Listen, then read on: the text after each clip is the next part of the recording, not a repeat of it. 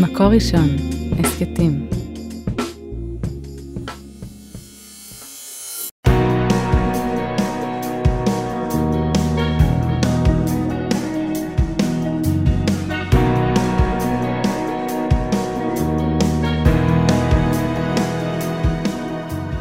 שלום, הרבנית שירה מרילי מירביס. שלום הרבנית חמוטל שובל. פרשת בשלח, איזה מרגש.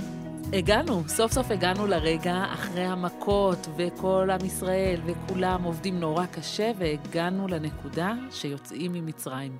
אז מה יש לנו בפרשה? יש לנו את יציאת מצרים ואז את שירת הים, את ההתחלה של ההתמודדות במדבר ואת המן, ובסוף, בסוף הפרשה, את עמלק.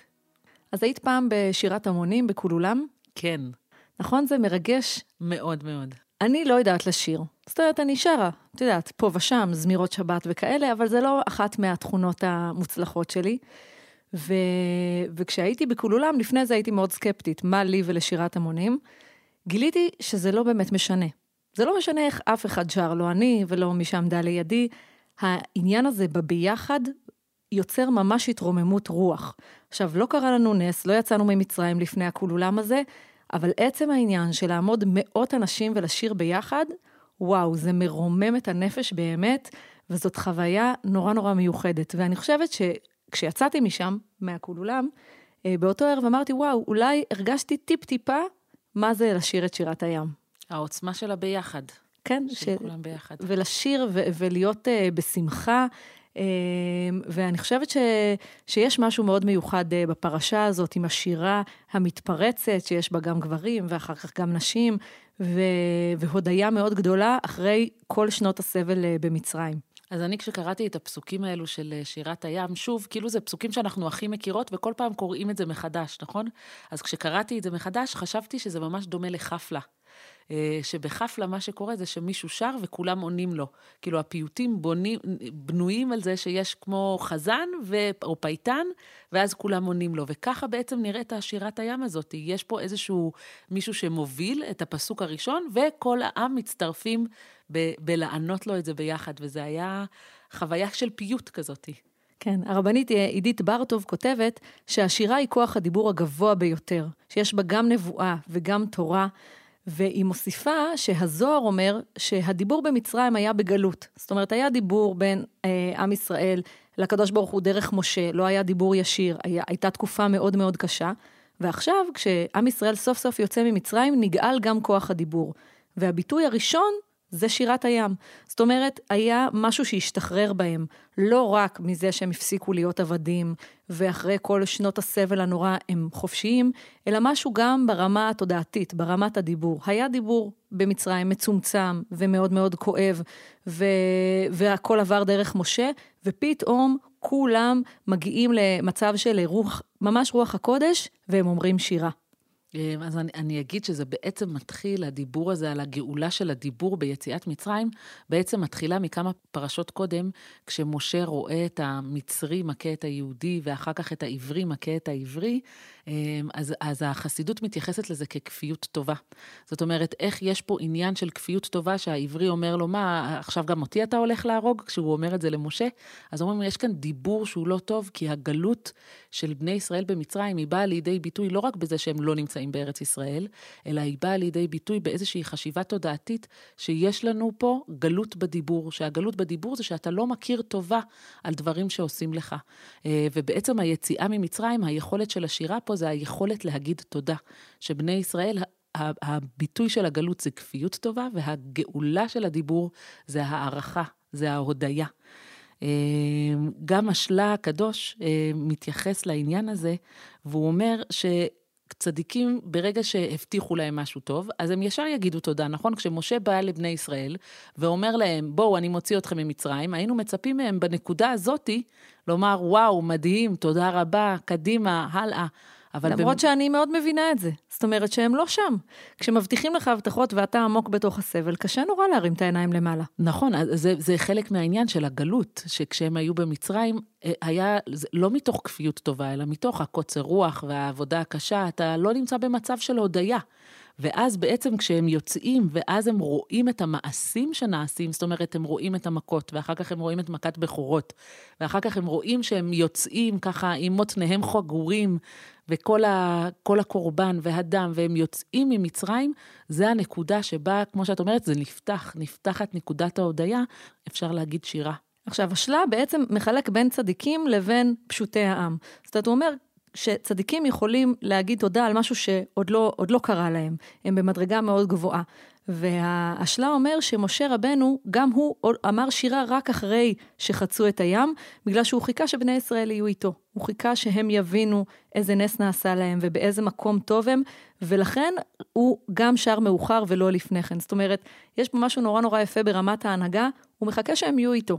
אי אפשר כן. לשיר כשהעם לא איתך, אי אפשר לשיר כשהם עדיין בוכים, הם עדיין בטראומה, הם עדיין עם כל הפחדים רצים ומצרים אה, רודפים אחריהם, זה נורא נורא מפחיד. אני חושבת שאני לא במדרגה של אה, הצדיקים של השלה, אני מפשוטי העם. מאוד קשה להרים את העיניים ולהגיד, יהיה בסדר. כי כשאנחנו נמצאים בתוך uh, מצב מורכב, אנחנו חווים אותו. אנחנו עוד לא חווים את הלוואי שנצא מזה ולסמוך על הקדוש ברוך הוא שיהיה בסדר. כי משה גם לא רצה לשיר לבד. לא היה עניין שמשה רק יגיד תודה. בדיוק. כאילו, הוא לא רצה לעשות פרפורמנס, הוא לא זמר, זה לא היה העניין שלו. כן. העניין היה של איך אתה עושה את זה במשהו במשותף עם כל העם. עכשיו, זה, זה מה שמאוד מעניין זה שאנחנו אומרים את שירת הים כל יום, כל בוקר. היא נעשתה אולי משהו כבר שאנחנו פחות או יותר, לא, לא יודעת אם אפילו אנחנו שמות לב. כי זה כבר נהיה חלק מה, מהרוטינה היומית שלנו, והרבה הרבה מפרשים והרבה אה, כותבים אומרים, רגע, תעצרו שנייה בשירת הים, בתוך התפילה שלכם. אז אני לאחרונה הייתי בבת מצווה של בת משפחה חמודה מאוד, ונכון, תמיד מחלקים ברכונים בסוף? כן. אז אצלה בבת מצווה חילקו שירת הים. וואו. והלכתי לאימא ואמרתי לה, וואו, מקסים, למה? כאילו, מה העניין של להגיד שירת הים? והיא אמרה לי, מה זאת אומרת? שירת הים, זה כל הזמן אומרים, זה, זה דבר שאתה אומר, ובאמת ניסיתי להבין למה, ויש פה את הזוהר המאוד מאוד מיוחד שמסביר מה העניין, מה החשיבות בלומר את שירת הים. הוא אומר ששירת הים יש בה כוח, והכוח שלה הוא כוח מתמשך. זאת אומרת, ברגע שמישהו נמצא בצרה, במצוקה, שצריך שייפתח לי איזשהו משהו, כן. כאילו שירת הים, ברגע שאתה אומר אותה, אתה כאילו משחזר את הנס הקדום, ואתה שם את עצמך באותו מקום של, של היינו בצרה, היינו באיזושהי מצוקה, והקדוש ברוך הוא קרא לנו את הים. ובעצם הקריאה הזאת של הים, היא יכולה לבוא לידי ביטוי בחיים שלנו בכל מיני צרות שלא עלינו, שאנחנו מרגישים אותם אם אנחנו במצוקה פר... של פרנסה, או במצוקה של ילדים, או במצוקה של אה, כל אחד ואיפה שה... משהו שהוא לא נפתח לו, שהוא לא, לא מסתדר לו בחיים, ושירת הים כאילו מבטאת את היכולת הזאת של הקדוש ברוך הוא להתערב ולפתוח. עכשיו, הזוהר מעניין מאוד, אבל מה שהפתיע אותי שזה ממש נכנס להלכה. זאת אומרת, כך כותב המשנה ברורה בהלכה, על לגבי כל בוקר, ויאמר שירת הים בשמחה, וידמה בדעתו כאילו באותו יום עבר בים, ואומרו בשמחה מוחלים לו עוונותיו. ממש כותב להלכה, כשאתם בתוך תפילת שחרית מגיעים לקטע הזה, יאללה, תגידו בשמחה כאילו עכשיו אתם עוברים את הים. וזה בעיניי דימוי נורא יפה, כי המון פעמים יש לנו צרות קטנות. ואומרים לנו, טוב, מה זה בהשוואה לזה ומה זה בהשוואה לזה? אבל יש לנו את הצרות שלנו, מה לעשות? עם זה אנחנו מתמודדים. ואני אומרת, לדמיין, אה, להיות אימא, זה מה שאני יכולה לדמיין, אה, לילדים ממשפחה שבורחים ממצרים, אין מספיק זמן אפילו לארוז סנדוויצ'ים, וים גדול לפנינו, ואז לעבור אותו, וואו. אני אומרת, אם אנחנו נוכל אה, להתחבר לתחושה הזאת של לצאת מהמצוקה הכל כך גדולה, אז יכול להיות שגם המצוקות שלנו נצליח אה, להתמודד איתן. אני אוהבת את הדיוק ההלכתי, שכשאנחנו מתפללים בבוקר ואומרים שירת הים, אז העניין זה להצליח להגיד את זה בשמחה. כן. זאת אומרת, זה לא סתם למלמל את זה ולרוץ קדימה, אתה צריך שנייה ל- להבין מה אני אומרת שמה, ל- ל- לעשות איזושהי נקודה תודעתית, ורק אז. Uh, המהר"ש מבלז, uh, שזה רבי שלום רוקח, הוא כתב מאוד מאוד יפה. לכאורה, הרי אין הקדוש ברוך הוא עושה ניסים לחינם. לשם מה נעשה נס זה, נס זה של קריעת ים סוף. והתשובה שלו היא כי מים מרמזים על הצרות והייסורים שעוברים על האדם. בכל החיים שלו, כן? לא רק בנקודה הזאת של קריאת ים סוף. ובשעת קריאת ים סוף נבקעו כל מימות שבעולם. כלומר, מעתה יהיה כוח לבקוע ולשבר את כל הצרות שבעולם. ולכן בכל דור ודור נשפעים הניסים מחדש. זאת אומרת, יש כאן איזשהו נס שהוא מתחדש בכל דור מחדש. זאת אומרת, לכל אחד מאיתנו יש ים סוף. שאנחנו כן. עומדות מולו, ואנחנו אומרות, רגע, איך אני חוצה את זה? זה גדול עליי, זה מפחיד אותי, לא רוצה להכניס את הרגליים, לא רוצה להירטב, הלוואי שזה ייבקע. והוא בעצם אומר, כן, נכון, ים סוף שם הוא prototype לכל ים סוף, לכל אחד, בכל סיטואציה, כל אחד עם מה וכל אחת עם מה שהם מתמודדים. והוא אומר, תחשבו, אם ים סוף נבקע להם, גם לכם יהיה בסדר. זה כל הצרות משולות למים המפחידים האלה לפנינו, ואפשר להתמודד איתם. וכמה זה חשוב שכשקורה לנו משהו בחיים, אז לעמוד ולעצור ולהגיד תודה על הנקודה הזאת. אה, יש לי חברים שעברו תאונת דרכים קשה, עם הילדים באוטו, משהו לא פשוט. ברוך השם, יצאו מזה, אה, אחרי תהליך של החלמה ארוכה.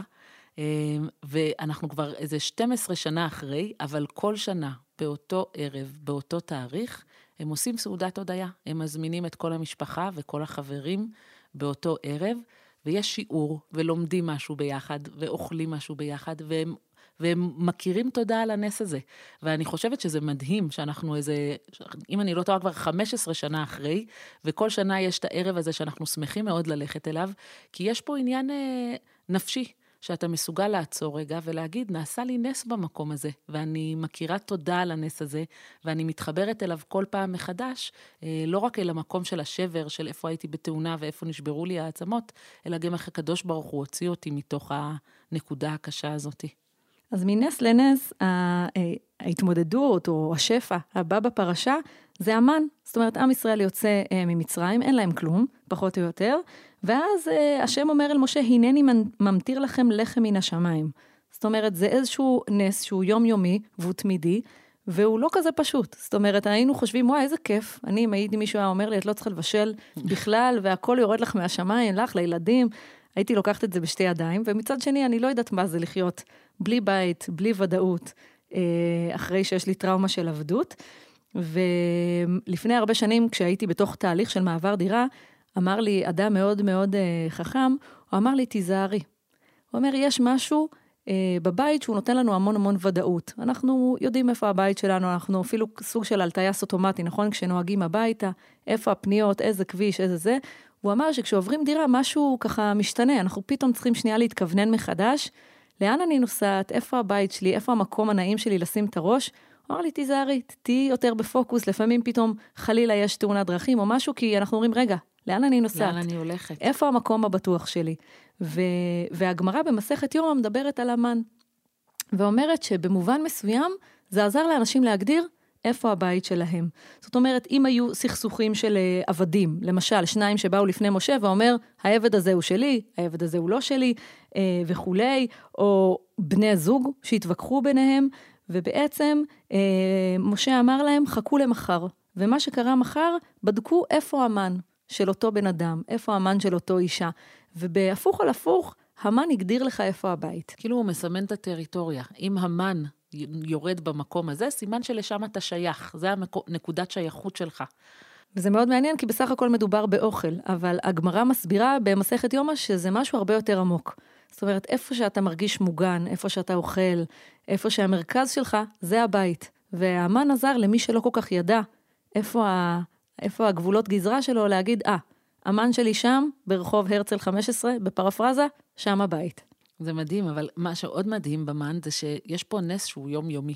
זאת אומרת, אם דיברנו בהתחלה על קריית ים סוף, ים סוף הייתה אירוע חד פעמי.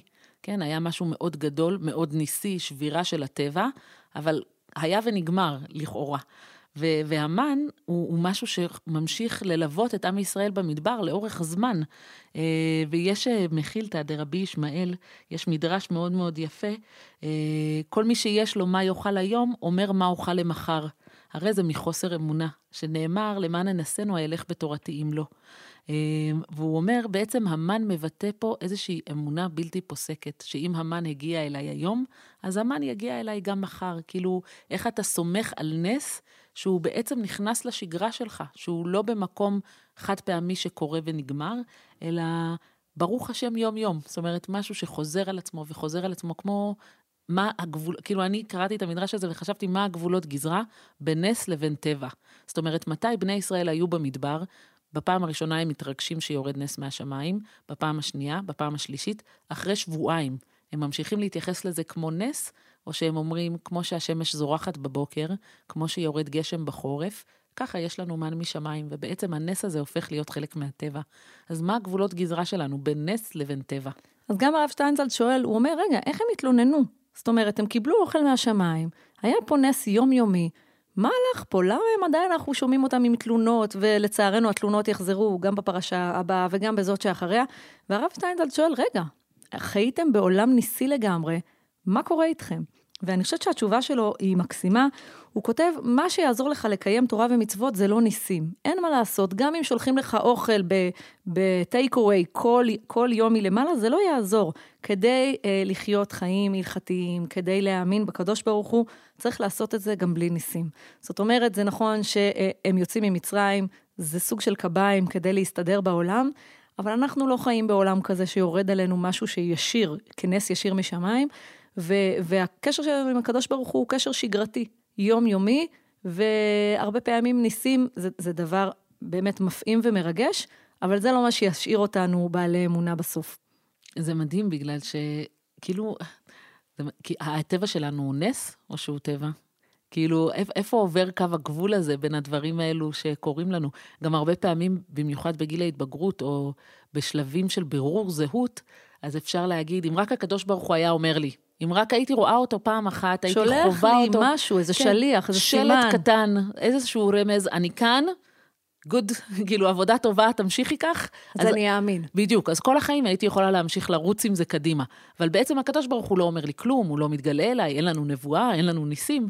ואתה אומר, אין לנו ניסים? לא יודעת, אני לא סגורה על זה שאין לנו ניסים. לא, אה, וגם, זה מה שיעזור לך השלט, את זוכרת שהיו פעם אה, בתוך בקבוק, היו שולחים אה, פתק בתוך בקבוק בים, זה מה שייתן לך להאמין. זאת אומרת, הרב שטיינזלץ אומר, אני, אני דורש מכם יותר.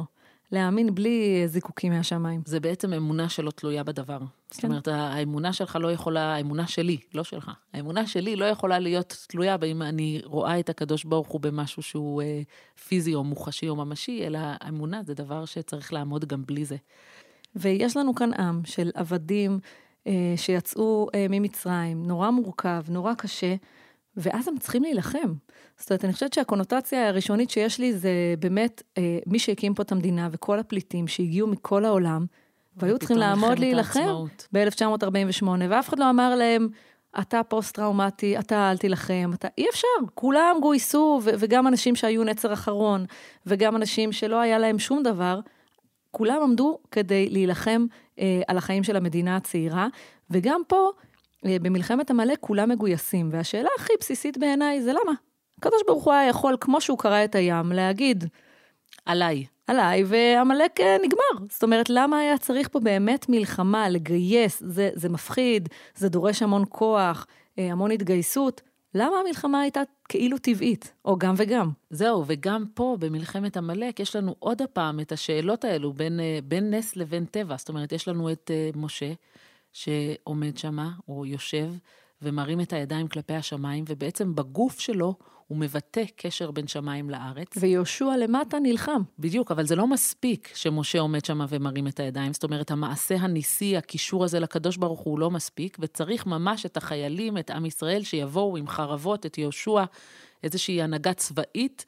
וצריך מישהו בפועל שיילחם. זאת אומרת, זה לא שיבוא עכשיו נחיל דבורים, כן, כמו בנביאים, ו, ויהרוג את כל, ה, את כל עמלק, אלא צריך ממש מלחמה אה, מלחמה אה, פיזית, והנציב כותב על זה שרצה משה רבנו להראות לישראל כוח השגחת השם עליהם, גם בלי נס נגלה.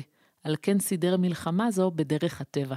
זאת אומרת שבהפוך על הפוך, הקדוש ברוך הוא רצה אה, ללמד אותם ביטחון עצמי, ללמד אותם שהם יכולים להתנהל בדרך הטבעית, ובעצם להגיד להם, אתם חיים עכשיו במציאות של נס, אבל באמת שהמציאות צריכה להתרחש במציאות, ולא כל החיים יהיה לכם מן, ולא כל החיים יהיה לכם את באר מרים, ואתם צריכים להתנהל במציאות, ולא להתרגל רק למציאות ניסית.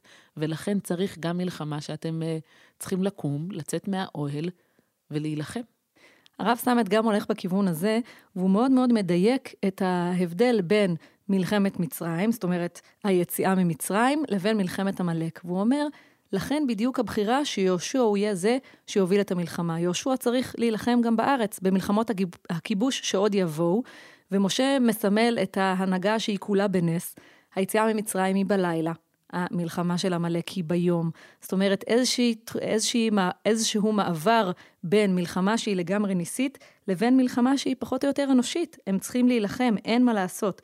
זאת אומרת, בקיעת הים הייתה סוף, ה, אה, סוף הגלות והשעבוד ממצרים, ועכשיו עם ישראל צריך להיכנס לתודעה של עם עצמאי, שדואג לעצמו, שנלחם על חייו. שאחראי. כן, וצריך לקחת אחריות. והשילוב הזה של הידיים של משה, שמונפות למעלה, וככה ישראל מנצחים, אבל ישראל גם מנצחים כי הם נלחמים. זה בעצם, אה, זה בעצם השילוב הזה שנועד לאט-לאט להעביר אותם תהליך, כדי שהם יוכלו יום אחד להילחם על הארץ שלהם. ואני חושבת שהרבה פעמים כשאנחנו מסתכלים סביבנו, יש לנו הרבה ניסים. ואפשר להגיד, בסדר, להסביר את זה בדרך טבעית, בדרך מדעית, בכל הדרכים, ואפשר גם להתבונן בניסים. ולאורך הפרשה הזאת, הקדוש ברוך הוא בעצם אומר לעם ישראל, אני נותן לכם גם וגם. גם הנהגה ניסית, גם יורד לכם take away בדמות מן מהשמיים, וגם הנהגה אנושית, כן, אתם צריכים להתחיל לעמוד על הרגליים ולהילחם. והוא אומר, אתם צריכים גם להכיר בזה, אבל לא להיות תלויים בניסים שלי. וכמה חשוב להכיר תודה. זאת אומרת, כמה חשוב לא להיות בתוך מקום שאומר, מגיע לי, והייתי עבד עכשיו 400 שנה, אז ברור שהקדוש ברוך הוא יקרא לי את הים ויעביר אותי במדבר וייתן לי לאכול, אלא להיות במקום של הכרת הטוב, גם על הדברים הברורים מאליהם. נכון, אני צריך לאכול, אבל הקדוש ברוך הוא לא שלח אותך עכשיו לצוד, נכון? הוא הוריד לך מן מהשמיים. אז איפה אתה מבטא הכרת תודה וטובה בחיים שלך, אה, גם כלפי הדברים הטבעיים וגם כלפי הדברים הניסיים. שנזכה כל אחד ואחת להתמודד עם ים סוף שלו ושלה, ולהתמודד בהצלחה. ושנצליח לראות את הניסים בחיים שלנו.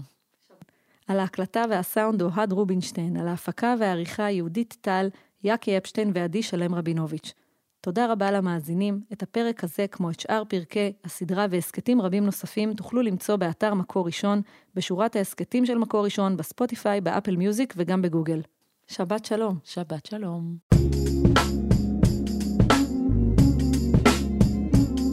מקור ראשון, הסכתים.